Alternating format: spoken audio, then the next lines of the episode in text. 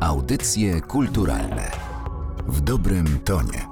Dzień dobry Państwu, Anna Karna. Zapraszam na kolejną rozmowę w audycjach kulturalnych. A dziś będziemy polecać Państwu film. Od kilku dni można już oglądać obraz Macieja Kawalskiego pod tytułem Niebezpieczni dżentelmeni. To kryminalna komedia o dość niezwykłym spotkaniu absolutnie niezwykłych postaci. Józefa Konrada, granego przez Andrzeja Seweryna, Tadeusza Boja-Żeleńskiego, w tej roli Tomasz Kot, Witkacego, tę postać gra Marcin Dorociński oraz Bronisława Malinowskiego, w którego postać wciela się Wojciech Mecwaldowski. W Studiu Narodowego Centrum Kultury witam reżysera Maciej Kawalski ze mną. Dzień dobry. Dzień dobry, bardzo mi miło. Od Tomka Kota usłyszałam, że ten film chodził za tobą kilka dobrych lat. Powiedz, skąd pomysł, żeby połączyć te postaci? Oj tak, ten film chodził za mną wiele, wiele lat. Jeszcze w liceum wpadł mi w ręce tom esejów e, Tadeusza Boja Żeleńskiego Reflektorem w mrok, który jest świetną, świetną lekturą. I kiedy wiele lat później myślałem nad swoim pełnometrażowym debiutem, no to ten Boj Żeleński dalej był mi bliski, stąd chciałem zrobić o nim film. I zacząłem więcej o nim czytać. Jest świetna biografia Boja Żeleńskiego autorstwa Józefa Hena, Błazen Wielki Mąż. I to jest niesamowita książka, nawet jak ktoś się nie pasjonuje bojem, to to jest po prostu świetnie napisane. Zgłębiałem Zgłębiając historię Boja, szybko się pojawia dla mnie ciekawy wątek jego toksycznej przyjaźni burzliwej z Witkacym. Więc już wtedy jakoś czułem, że tu jest film. Potem w tej konstelacji pojawił się też Bronisław Malinowski, no bo on znowu z Witkacym miał również toksyczną, burzliwą przyjaźń.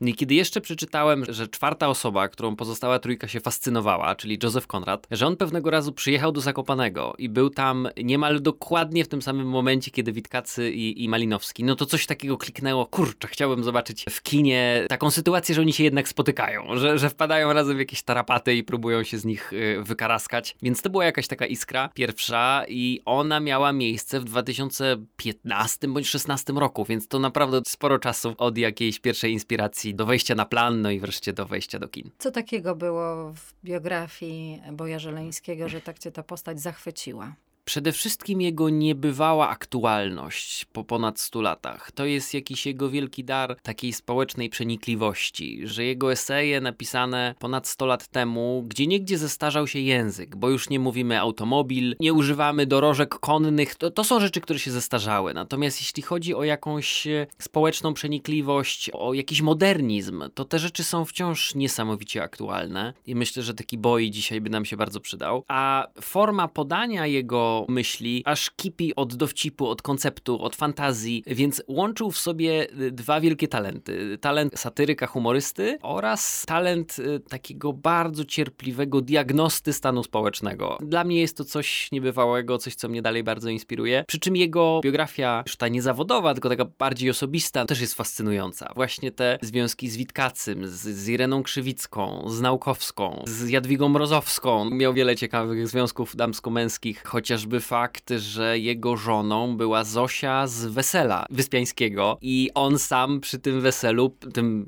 pierwotnym weselu, o które Wyspiański oparł swoją twórczość, Żeleński tam był. I więc był w centrum zbiegu wielkich wydarzeń, które my ponad 100 lat później pamiętamy. No, no po prostu rezonują w kulturze, więc y, bardzo chciałem tą osobę przywrócić do takiego bardziej popkulturowego, współczesnego świata, bo myślę, że warto. W przypadku Boja Żeleńskiego pokazuje pokazujesz skrawek prawdziwej postaci i myślę tu o takiej scenie, kiedy Żeleński wstydzi się swojej e, twórczości i rzeczywiście w życiu też wstydził się swoich tekstów, myśląc, co pacjenci powiedzą, tak. że jest to takie niepoważne w tamtych tak, tak, tak czasach tak. pisać wiersze albo jakieś satyryczne teksty. Przecież on był lekarzem. Czy też wyciągnąłeś w przypadku innych bohaterów takie właśnie smaczki biograficzne? Absolutnie taka była intencja. W takim największym skrócie, dziękuję za tą obserwację, o której mówisz z bojem, bo w jakimś takim największym skrócie to, to jest film o tym, jak Żeleński stał się bojem. Bo ten przydomek boj, który on sam e, stworzył, stworzył, no właśnie wziął się stąd, tak jak powiedziałaś, że on mm, wstydził się swoich tekstów satyrycznych, więc nie chciał ich publikować pod własnym nazwiskiem,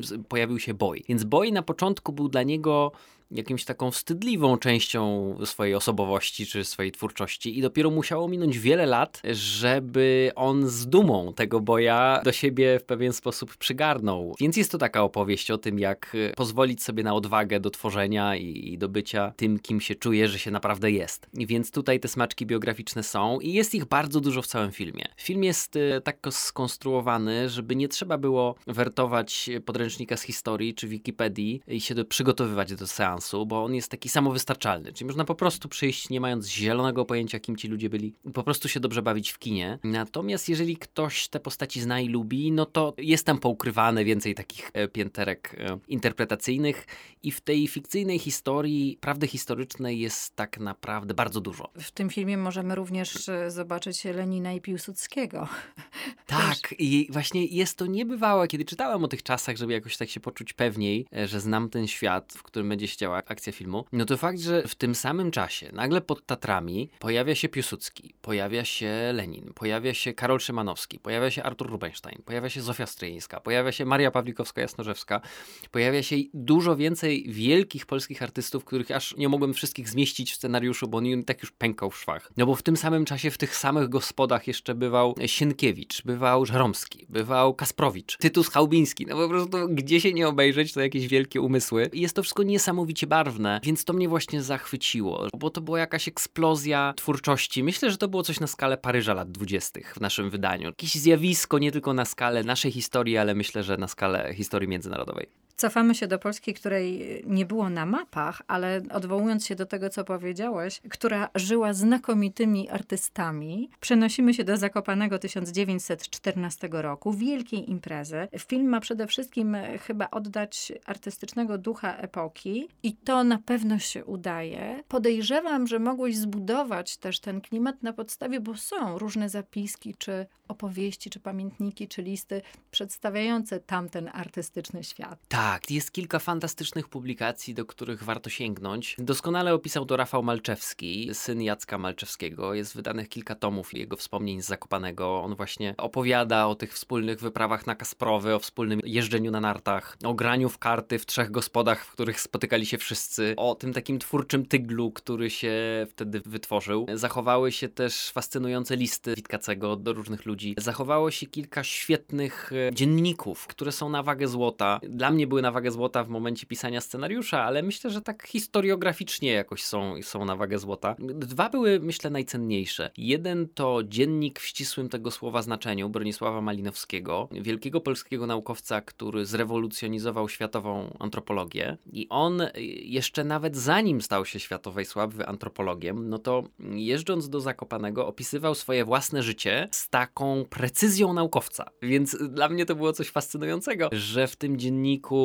Malinowski zapisuje swoje przemyślenia na temat y, etnografii, na temat antropologii, ale zapisuje również, co mu się śniło, co jadł na śniadanie, z kim poszedł na spacer, gdzie poszli, kiedy otarł go but. Więc dla mnie to była skarbnica mm, do podbierania takich małych y, prawdziwych jakichś imponerabiliów, których nie sposób wymyśleć, jeżeli się ich nie, nie znajdzie. No, a drugi to jest pamiętnik osobisty Józefa Konrada. Również fascynująca pozycja. Józef Konrad wyjechał z Imperium Rosyjskiego, no bo to Polski nie było wtedy jeszcze na mapie. Mając 17 lat, zaciągnął się jako marynarz do marynarki handlowej brytyjskiej i wrócił do Polski raz jeden, właśnie w 1914 roku. Chciał pokazać swoim dzieciom i swojej żonie, jego żona była Brytyjką, dzieci również, więc chciał im pokazać miejsce skąd pochodzi. Raz jeden trafił do Polski, pokazał im Kraków, pokazał im Zakopane. Wybuchła wtedy pierwsza wojna światowa, no i oni z wielkim trudem się stamtąd w ogóle wydostali, z racji, że byli poddanymi brytyjskimi, więc ten rząd galicyjski chciał ich internować, więc to była bardzo burzliwa historia. No i jego wspomnienia z tamtego czasu również są niesamowitą pozycją, bardzo warto do tego sięgnąć, bo on ma dużo, tak jak i Boy, ma dużo obserwacji na temat kondycji naszego narodu, które po ponad 100 latach od, od napisania wciąż są aktualne. Nie jest rzeczywistością tylko filmową fakt, że wtedy w Zakopanem naprawdę wszyscy artyści bywali. Tak, to jest dla mnie jakaś magia, że te największe nazwiska z początku XX wieku, które znamy z pomników, które znamy z nazw ulic, to wszystko byli znajomi, wszystko to byli przyjaciele, oni wszyscy razem jeździli na nartach, grali w karty, przyjeżdżali do Zakopanego na ileś tygodni i imprez, i tworzenia, i jakiejś wzajemnej zazdrości, napędzania się. I stworzyli taki twórczy tygiel i jestem pewien, że gdyby każdy i każda z nich pracowali z osobna, to nie powstałyby te wszystkie dzieła, że gdyby Stryjeńska nie widziała, co robił Zamojski, co robił Witkacy, co pisze Maria Pawlikowska, Jasnorzewska, a co tam u Kasprowicza, no to, to nie stworzyłoby to jakiejś takiej atmosfery, która pozwoliła tej twórczej energii na taką erupcję. A należy też pamiętać, że e, w trakcie, kiedy dzieje się akcja filmu, czyli rok 914, no i, i wcześniej, to wciąż mamy sytuację Polski pod zaborami. E, naszego kraju wciąż nie ma na mapach, więc ci artyści zjeżdżający z trzech różnych zaborów pod Tatry, tam mają takie poczucie wolności. Jakoś jest w tym taka latarnia morska, która pokazuje pewien kierunek, że jakiś tam duch nie umiera. Patrząc na tą historię z tych takich osobistych e, doświadczeń. Tych, że Józef Konrad wychował się na Syberii, bo jego ojciec był powstańcem. I on to opisuje z perspektywy małego chłopca. Stracili wszystko, tam się wychowali, on musiał wyjechać. No to nagle ta perspektywa jest jakaś kompletnie, kompletnie inna. Nagle Żeromski, którego znamy z powieści i znowu z zadanych lektur, jak się okazuje, że gdy kończyła się pierwsza wojna światowa, Żeromski chwycił za broń z 17 innymi ludźmi i oni jako pierwsi wyzwolili Zakopane, rozbrajając trzech czy czterech austriackich żandarmów, którzy tam jeszcze byli i w tym czasie, w 918, zaistniało coś takiego jak Rzeczpospolita Zakopiańska, której naczelnikiem był właśnie Stanisław Żeromski. No i on po to jakichś dwóch tygodniach złożył hołd rodzącej się II Rzeczpospolitej i oddał tę ziemię, więc no, to są takie smaczki, że aż nie sposób się nie uśmiechnąć, jak się o tym wszystkim czyta. W jakim momencie życia e, swoich bohaterów ich łapiesz? To, na co chcę zwrócić uwagę w filmie, przy czym jest to w znacznej mierze moja interpretacja, która była potrzebna dla dramaturgii filmu, ale ona jest bliska prawdzie historycznej, no to Joseph Conrad już jest ustanowionym wielkiej sławy światowym pisarzem. Już jego najwybitniejsze powieści, za które do dzisiaj go pamiętamy i cenimy, one już były napisane, więc Jądro Ciemności, więc Nostromo, więc on przyjeżdża do Polski jako wielka sława. Bronisław Malinowski dopiero stanie się wielkim antropologiem. On dopiero wtedy wyjeżdża na swoją pierwszą wielką wyprawę. Stanisław Ignacy Witkiewicz, znany bliżej jako Witkacy, również dopiero jeszcze stworzy swoje największe dzieła. Oni jeszcze są przed tym krokiem milowym i stąd wybrałem Tadeusza Boja Żeleńskiego jako głównego bohatera filmu, bo on właśnie wtedy przeżywał przełom w swoim życiu. To były właśnie te kluczowe lata, kiedy on z lekarza Żeleńskiego staje się satyrykiem bojem, a kino uwielbia przemiany, uwielbia wewnętrzny kryzys, z którego rodzi się coś nowego i to też dla mnie było najciekawszym elementem, o którym chciałem opowiedzieć. Pomimo toksycznej przyjaźni, o której powiedziałeś e, słowo, panowie w filmie absolutnie działają wespół, w zespół, żeby wyjaśnić e, pewne morderstwo. Wszystko jest e, trochę w oparach absurdu. Wybrałeś kino gatunkowe, komedię kryminalną, bo właśnie pozwala na więcej? Tak, absolutnie tak. Miałem takie poczucie, że sam Boy mógłby nie chcieć o sobie takiej czołobitnej biografii z marmuru i spiżu. Że w nim samym ta iskra dowcipu, fantazji, humoru była tak ogromna. To samo miał w sobie Witkacy, więc jakoś tak myślałem, że nawet i oni cieszyliby się z gatunkowego filmu, filmu o sobie. To niesie ze sobą kilka elementów. No jeden element jest taki, że kino gatunkowe ze swojej natury zawsze będzie kinem szerszym. Te konwencje gatunkowe sprawiają, że można przyjść na film nie wiedząc nic o tych postaciach, że, że to nie jest kino, które ma wysoką barierę wejścia, że trzeba najpierw doczytać, być wielkim fanem, żeby dopiero odczytać te konteksty, tylko że wszystko, co potrzebne, żeby się danym filmem cieszyć, już jest w nim zawarte. Więc to była dla mnie mocna gwiazda polarna. Miałem nawet takie spotkanie przy okazji pokazu filmu na warszawskim festiwalu filmowym, które mnie niesamowicie uradowało. Mieliśmy takie spotkanie z widzami i padło pytanie z widowni, czy to przypadkiem nie jest tak, że to jest film tylko dla ludzi przygotowanych i że jeżeli ktoś tych postaci nie zna, to go nie doceni. No, wyraziłem swoją nadzieję, że film jest tak skonstruowany, że wręcz przeciwnie, właśnie nie znając tych bohaterów, można się zainspirować do ich poznania. I po spotkaniu, kiedy już widzowie wychodzili z kina, podeszła do mnie grupka nastolatków, którzy powiedzieli, udało się. Nie znaliśmy tych postaci, nic o nich nie wiedzieliśmy, natomiast y, film nam się podobał i tak nas zainteresował, że chcemy o nich doczytać, więc to jest absolutny miód na moje serce, że się tak dzieje. Film ma wspaniałą scenografię, kręcony był rzeczywiście w Zakopanem, ma urzekającą charakteryzację, brawa dla twórców. Jak wam się pracowało z góralami? Pracowało nam się naprawdę fenomenalnie. Dziękuję za to, co mówisz o współtwórcach, bo autorzy scenografii, czyli Katarzyna Sobańska, Marcel Sławiński, no niesamowite talenty. Oni włożyli w to tyle serca i pracy, że wywindowali ten film wiele pięter do góry. To samo tyczy się Emilii Czartoryskiej, czyli autorki kostiumów i Dariusza Krysiaka, czyli autora charakteryzacji. Podeszli do tego z niesamowitą pieczołowitością. To znaczy scenografowie wykonali taki wewnętrzny dokument i stworzyli taki PDF, który miał nieomal nieomal 200 stron e, fotografii, e, malarstwa, wycinków z tekstów. Potem rozsyłaliśmy ten PDF po ekipie, żeby tak w ogóle synchronizować się w kwestii, w jakim świecie będziemy operowali. I ta pieczołowitość ich pracy była niesamowita. Do tego stopnia, że znaleźli w jakiejś książce opis, jakie sklepy i kramy były na Krupówkach w 1914 roku i kiedy tworzyli scenografię tego miejsca, to odtworzyli dokładnie te szyldy, które tam wtedy były. Więc one nie były wymyślone e, znikąd, tylko były również wzięte stamtąd. To samo czynił Dariusz Krysiak, który zasięgnął dużych badań nad tymi bohaterami, żeby ich jak najbardziej upodobnić. Emilia Czartoryska z kostiumami. Wiele kostiumów było szytych na zamówienie, żeby właśnie wpasować się w taki balans pomiędzy prawdą historyczną a atrakcyjnością dla dzisiejszego oka. Część kostiumów była sprowadzana z Berlina, część była sprowadzana z, z Pragi, więc to było duże przedsięwzięcie. Część kostiumów była znowu historyczna, czyli Emilia poprosiła o pomoc społeczność Zakopanego i na przykład Cucha Góralska, w której gra Marcin Drociński, no to to jest y, rodzinny skarb. Ta Cucha ma ponad 150 lat, przekazywana z pokolenia na pokolenie, więc jest w tym magia, że to właśnie taki przedmiot zagrał w filmie. Jeśli chodzi o pracę ze społecznością lokalną, no to też była to fenomenalna sytuacja na wielu polach. Woźnice, którzy zagrali w filmie, to kilkoro z nich pochodzi z takich dynastii, bym to nazwał, fiakrów, którzy z pokolenia na pokolenie jeżdżą. Powóz, w którym jeździ Józef Konrad i Tadeusz Bojżeleński, czyli nasz e, Tomasz Kot i Andrzej Seweryn, no to to jest powóz, który należał do Heleny Modrzejewskiej,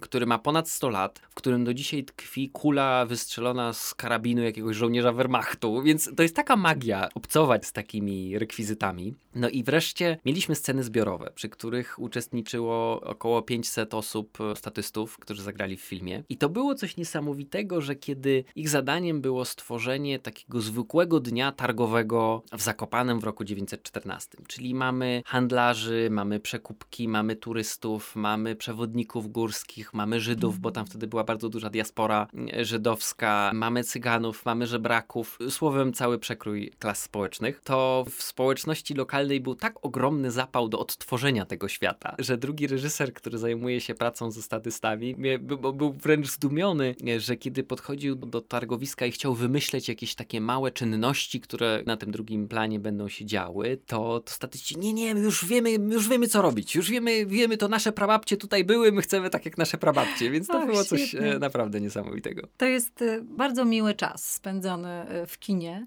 Bardzo się cieszę. Niebezpiecznych dżentelmenach i ja miałam tylko taką refleksję, że ach, jak żałuję, że nie mogłam wtedy tam być i naprawdę tego zobaczyć i przeżyć. To prawda, jest taka myśl, jedyne co mnie jakoś uspokaja, to w tych e, wspomnieniach Rafała Malczewskiego, nawet i on wspominał, pisząc to w latach 30., ach, że lata 30. to już nie to samo co 20. więc, więc nawet i wtedy oni też mieli to poczucie, że te najlepsze czasy były jeszcze wcześniej, więc kiedy czasami narzekamy, że ach, zakopane teraz turystyczne, teraz to już się wszystko zmieniło, no to w roku 930 też, też narzekali, że ach, już się wszystko zmieniło, już jest turystyczna, więc to chyba taka klątwa czasów, że jakoś mniej cenimy to, co jest teraz, ale mówiąc to wszystko, ja również jakbym mógł się przenieść do tamtego Zakopanego i zobaczyć tak, jak funkcjonowało, to chętnie bym to zrobił, no ale póki nie mamy machiny czasu, to przynajmniej można pójść do kina i pobawić się tym światem w kinie. Zapraszamy Państwa na Niebezpiecznych Dżentelmenów. Bardzo dziękuję za tę rozmowę. Bardzo dziękuję i serdecznie zapraszam do kin. Gościem audycji kulturalnych był reżyser i scenarzysta filmu Maciej Kawalski. Audycje kulturalne w dobrym tonie.